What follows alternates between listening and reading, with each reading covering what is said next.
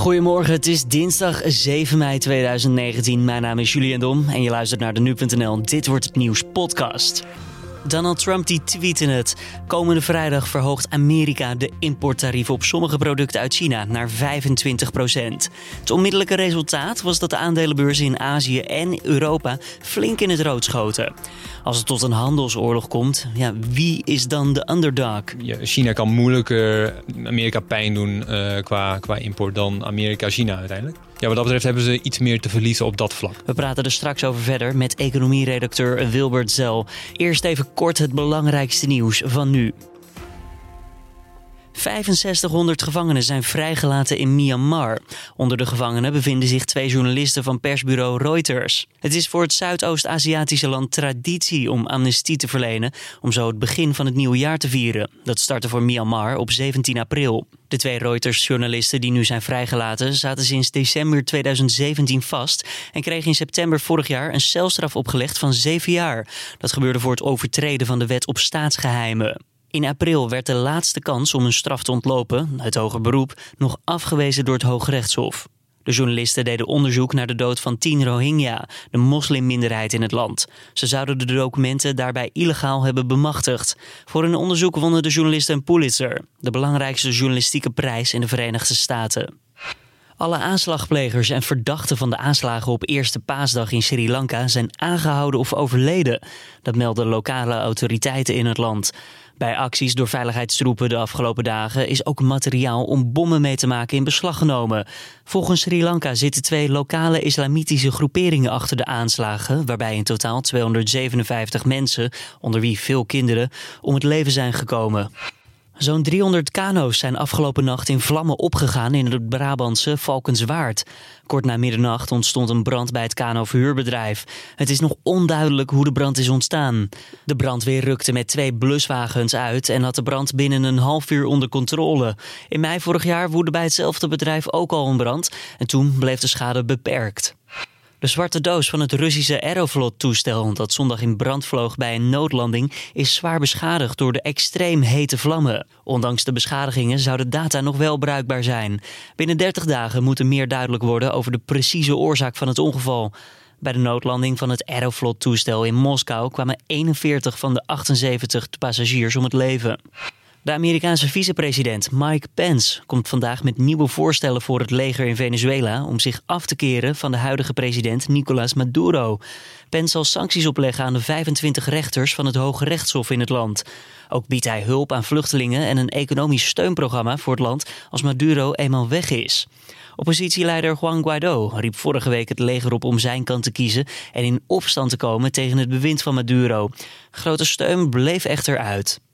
En fans van Game of Thrones gaan los op Twitter over de vierde aflevering van het laatste seizoen van de fantasy-serie. In de aflevering die sinds gisteren te zien is in Nederland was namelijk ook een Starbucks koffiebeker te zien. Ja, de beker was enkele seconden in beeld. Hij stond op tafel bij drakenkoningin Daenerys Targaryen. Dat is een van de hoofdpersonages uit de serie. Het productieteam van Game of Thrones heeft excuses aangeboden voor de fout. En Starbucks die liet in een reactie op Twitter weten... het eigenlijk toch best vreemd te vinden dat Daenerys geen drakendrankje had besteld. En dan gaan we naar ons gesprek van deze dag, de importtarieven. Komende vrijdag dus, dan verhoogt de VS de importtarieven op sommige producten uit China naar 25 procent. En er worden ook meer artikelen aan die lijst toegevoegd, al dus de Amerikaanse president Donald Trump. Die bekendmaking had het onmiddellijke resultaat op de aandelenbeurzen in Azië en Europa dat ze flink in het rood gingen maandag. Het is een nieuwe stap in de reeds moeizamere handelsrelatie tussen de VS en China. Mijn collega Jan van Houten sprak hierover met Wilbert Zel, onze economieredacteur bij nu.nl. Hij vroeg hem of we inmiddels kunnen spreken van een handelsoorlog? Ja, dat is altijd een beetje de vraag. Is er nou een conflict? Is er nou een handelsoorlog? Wat is een handelsoorlog nou eigenlijk? Uh, ik zou het nog een conflict noemen eigenlijk. Want de echte, echte maatregelen die worden nog niet genomen. Stel dat uh, vrijdag doorgaat, dan, dan is het eigenlijk wel een oorlog. Hè, als de Chinezen daarop reageren. Maar dat uh, ja, dreigt nu eigenlijk een oorlog te worden die dreigingen laten zich vooral zien in het, uh, in, in, in het verhogen van importtarieven. Hm. Is, is dat de manier waarop een handelsoorlog gevoerd wordt? Ja, meestal wel, maar dat hangt een beetje af van uh, welke partij je bent. Uh, in dit geval Amerika, die importeert het meeste. Dus die kunnen heel makkelijk zeggen, wij verhogen gewoon die importtarieven. We maken Chinese producten duurder. En daarmee raken we de Chinese economie. Nou, de Chinezen importeren minder Amerikaanse producten. Dus die kunnen dan bijvoorbeeld zeggen van nou we gaan uh, Amerikaanse bedrijven het leven moeilijk maken in China. We gaan bepaalde standaarden aanpassen. We gaan uh, regels veranderen in hoe Amerikaanse bedrijven opereren in China. Of hoe, ja, hoe ze samenwerken met Chinese bedrijven en zo. Dus er zijn allerlei manieren waarop je elkaar het leven moeilijk kan maken als land zijn en, en ja, hun economie. Om welke producten gaat het eigenlijk die Trump nu noemt? Ja, dat, dat gaat over uh, een hele reeks producten, uh, noem het maar op als het doorgaat wat, wat Trump zegt, dan uh, komt vrijwel alles uh, onder een hoge importtarief uh, te zitten. Maar dan gaat het ook om koelkasten, ook ehm, halffabrikaten die Amerikaanse producten dan verder verwerken. Nou, dat, dat voelen mensen uiteindelijk wel in een prijs in Amerika. Dus het gaat over allerlei facetten van een economie. Wat, wat hoopt Trump ermee te bereiken met, deze, met die verhoging? Ja, dat is ehm, een beetje de vraag altijd. Hij laat niet altijd in zijn kaarten kijken. Maar wat hij waarschijnlijk wil is dat er uiteindelijk een handelsakkoord op tafel komt waar uh, ja, hij tevreden mee is. Waar uh, de Chinezen genoeg uh, inleveren voor het Amerikaanse bedrijfsleven. Ehm, ja, dat moet uiteindelijk het resultaat zijn. ja, om daartoe te komen, ja, maakt hij uiteindelijk gewoon Chinese producten duurder. Maar om even bij die koelkast te blijven, om het concreet te houden. Uh, koelkasten komen bijvoorbeeld uit China. Nou ja, die worden goedkoop in Amerika verkocht. Die worden dus nu een stuk duurder omdat die importheffing eroverheen komt. Uh, en dan hopen ze dus dat uh, er meer koelkasten worden verkocht die in Amerika gemaakt zijn. Ja, uiteindelijk als je een importtarief hebt, dan mensen gaan niet direct een, een ander product nemen. Maar op, de, op termijn wil je dan dat een, eenzelfde uh, koelkast wasmachine uh, uit Amerika dan ja, goedkoper wordt, uh, relatief goedkoper wordt ten opzichte van een Chinese fabrikant. Is, is dat ook het, het, resultaat van het protectionisme van Trump, die dat heeft aangekondigd toen hij president werd van Amerika eerst? ja, uiteindelijk dat, dat is precies wat hij wilde eigenlijk. Hè? protectionisme, dus eigen fabrikanten eerst. Dus niet de goedkoopste, het goedkoopste product voor de Amerikaanse consument. Nee, we willen dat de Amerikaanse consument Amerikaans koopt. En als dat duurder is, nou dan zei het zo. Uh, maar dat is hoe uh, protectionisme werkt inderdaad. Ja. Uh, om welke bedragen gaat het eigenlijk? Ja, het gaat om ongeveer 500, ruim 500 miljard dollar aan Chinese goederen die Amerika importeert uit China. En Amerika exporteert ongeveer 120 miljard dollar aan goederen naar China toe. Dus nou, je, je merkt wel dat de balans heel erg in, in Amerikaanse voordeel is uh, geschoven inderdaad, als het gaat om een handelsoorlog. Ja, maar de, de, dat betekent dat China dus in het nadeel is. Ja, en als het uh, uitmondt in een echte handelsoorlog, dan zul je zien dat, dat ja, China kan moeilijker Amerika pijn doen uh, qua, qua import dan Amerika-China uiteindelijk. Ja, wat dat betreft hebben ze iets meer te verliezen op dat vlak. Heeft China nog andere mogelijkheden om Amerika terug te pakken als het echt tot een oorlog komt? Nou, dat, dat uh, kan dus met maatregelen die niet uh, over geld gaan eigenlijk. Hè? Dus uh, andere handelsdrempels. Je maakt een, een quota bijvoorbeeld. Hè? Dat Amerikaanse bedrijven kunnen maar zoveel producten exporteren naar China. Je kan Amerikaanse bedrijven gewoon, die al in China werken, kun je het leven moeilijk maken. Dus dan zeg je dat ehm, ze mogen minder delen van de economie. Ehm, ja, ze, ze, krijgen minder toegang tot delen van de economie. Uh, samenwerking met Chinese bedrijven kunnen moeilijk worden. Hè. In China zijn er vooral staatsbedrijven. Dus die staan al wat meer onder invloed van de Chinese overheid. En als, ja, die, die kunnen uh, je moeilijk gaan doen met de samenwerking bijvoorbeeld. Ja, dus op die manier kunnen Amerikaanse bedrijven het moeilijk gaan krijgen in China. Trump heeft uh, zondag dus getwitterd. En je zag gisteren meteen dat de beurs daar sterk op reageerde op, ja. dat, op dat bericht. Heb jij het idee dat dit een kantelpunt is in dit conflict? Nou, het dreigt een kantelpunt te worden. Trump die speelt nu echt hoog spel. Uh, als de Chinezen nu weglopen van de onderhandelingstafel, dan heeft hij wel een probleem. Of hebben eigenlijk Amerika en China wel een probleem. Want heeft al die moeite die men erin heeft gestoken in uh, de laatste nou ja, ruim vier maanden. Dat zijn vanaf december ongeveer bezig. Die is dan wel, uh, die is voor niks geweest. Um, en ja, hij, heeft gezegd die importtarieven uh, te gaan invoeren. Ja, dan moet hij het ook gaan doen. En dan ontstaat er wel echt schade aan uh, de economie, aan de Amerikaanse economie, maar ook aan de Chinese economie. Die Chinese economie, leidt die nou net zoveel als de Amerikaanse economie als deze oorlog doorgaat? Ja, het is een beetje de vraag wie het meeste leidt. Uh, want je ziet dus wel dat de Chinese economie ehm, het minder doet dan de Amerikaanse economie op dit moment. Maar dat is niet altijd direct aan een uh, handelsoorlog te wijten. Er zit ook gewoon, ja, de Amerikaanse economie draait gewoon heel erg goed. Uh, de Chinese economie gewoon iets minder. En dat lijkt dat waarschijnlijk ook te wijten aan uh, binnenlandse vraag.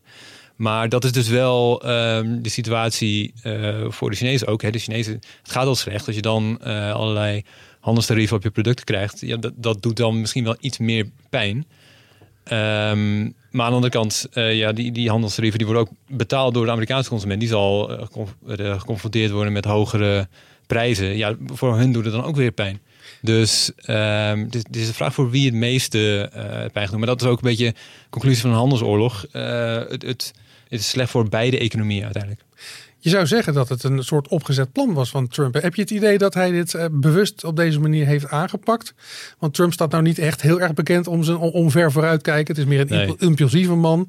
Heb je het idee dat hij uh, doorheeft wat hij aan het doen is? Of nou, je, je, vraagt je wel af, hè? want het ene moment dan uh, zegt hij dat de onderhandelingen goed gaan. En dat zeggen ze al maanden eigenlijk. Vooral Trump die uh, heeft dat gezegd. Nou, in het andere moment dan komt hij juist met de boodschap dat uh, er extra importtarieven komen. Omdat uh, China niet genoeg doet. Ja, dan vraag je wel af, klopt het daarvoor wel? Nou ja, dat is natuurlijk maar de vraag. En um, nou ja, hij lijkt niet echt een uh, lange termijnsvisie uh, hiermee te hebben. Aan de andere kant, als hij hiermee het handelsakkoord krijgt uh, wat hij wil, ja, dan, dan werkt het blijkbaar wel. De Verenigde Staten en China, dat zijn de twee grootste economieën ter wereld. Dus als zij met elkaar in de boxing staan, dan heeft iedereen er last van. Wat merken wij in Europa en ook wij in Nederland? van deze krachtstrijd? Nou ja, voor ons nog niet heel veel. Maar de echte schade die ontstaat eigenlijk wanneer uh, Trump daadwerkelijk die importtarieven gaat invoeren, vrijdag dus. En uh, wat je dan zal zien is dat uh, China die zal erop moeten reageren. Uh, Trump die zal er ongetwijfeld ook weer op reageren. Dus dan krijg je een soort, noem dat een tit voor tat. En dan wordt een soort race naar de bodem van nou ja, wie gaat elkaar het meeste pijn doen eigenlijk. En dan zal ook de Nederlandse economie geraakt worden. Als jij nou eens in je economische glazen bol kijkt, wat gaat er vrijdag gebeuren denk je? Ik denk dat uh, de komende dagen dat we al meer gaan horen van China. Dat, uh, vanuit, dat er toch een reactie moet komen vanuit de uh, Chinese zijde. er, komt, er zal een delegatie woensdag naar Washington gaan. En de vraag is of daar de Chinese vicepremier bij zit. Ja, het is allemaal afwachten ja, wat daaruit komt eigenlijk. Wat denk jij? Ik denk dat er uiteindelijk wel linksom of rechtsom dat er wel een akkoord uitkomt. Omdat beide partijen die hebben al zoveel hierin geïnvesteerd. Ook de Chinese partij en uh, die hebben ook zoveel belang bij, want niemand wil eigenlijk echt die uh, grote handelsoorlog. Dus dat ja, de Chinese partij uiteindelijk wel op de een of andere manier hier tot een akkoord komt met, uh, met Amerika. Dus uh, Wilbert Zeil, economie-redacteur van nu.nl, zegt dat er geen handelsoorlog komt. Ik heb het genoteerd. Ja, ik liever niet zwart op wit. Dan, dit is geen juridisch document. We zullen het zien of we hem eraan vast moeten houden. Dat was Wilbert zelf van onze economieredactie in gesprek met Jan van Houten. We blijven de situatie uiteraard nauwlettend volgen op nu.nl. Wil je meer hierover weten, ben je bij ons dus zeker aan het goede adres. En dan verder vandaag. Premier Mark Rutte ontvangt vijf vertegenwoordigers van de gele hesjes in het torentje. Ze bespreken de zorgen die de demonstranten hebben. De gele hesjes betogen sinds afgelopen najaar over verschillende thema's, geïnspireerd door gele hesjes uit Frankrijk. Verspreid over verschillende steden ging het om enkele tientallen activisten. En in de halve finale van de Champions League ontmoeten Liverpool en FC Barcelona elkaar voor de tweede wedstrijd.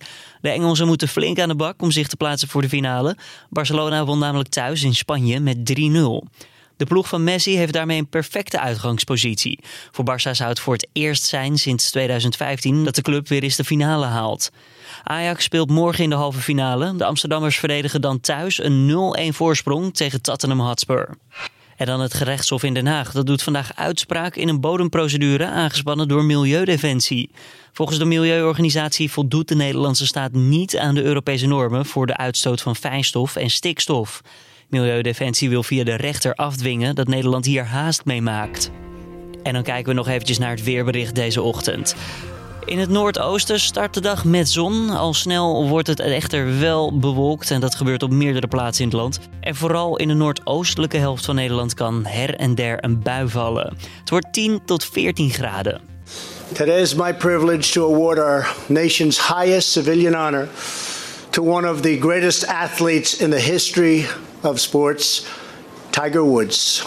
Tiger, congratulations on receiving the Presidential Medal of Freedom. You, man. Donald Trump hoorde je daar. Golf-icoon Tiger Woods heeft de Presidential Medal of Freedom gekregen.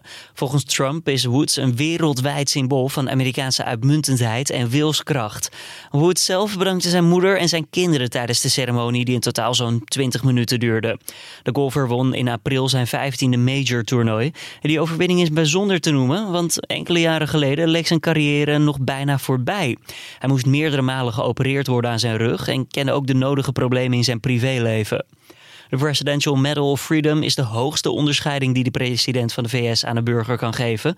Onder andere basketballegendes Michael Jordan en Kareem Abdul-Jabbar gingen Woods voor. En dit was hem dan weer, de Dit Wordt Het Nieuws podcast op deze dinsdag 7 mei. Elke doordeweekse ochtend zijn we te vinden op de voorpagina van nu.nl. Wat vind je van de uitzending? Heb je opbouwende kritiek? Laat het vooral even weten. Dat kan je doen via podcast.nu.nl. Of heb je gewoon een vraag voor de redactie? Vraag je af waarom het ene bericht wel is meegenomen, waarom het andere niet? Of heb je een vraag voor de hoofdredacteur Gertjaap Hoekman? Mail het ook deze kant op podcast.nu.nl dus. En dan uh, hopen we zo snel mogelijk antwoord te geven. Mijn naam is Julian Dom. Ik wens je voor nu een goede dinsdag en tot morgen weer.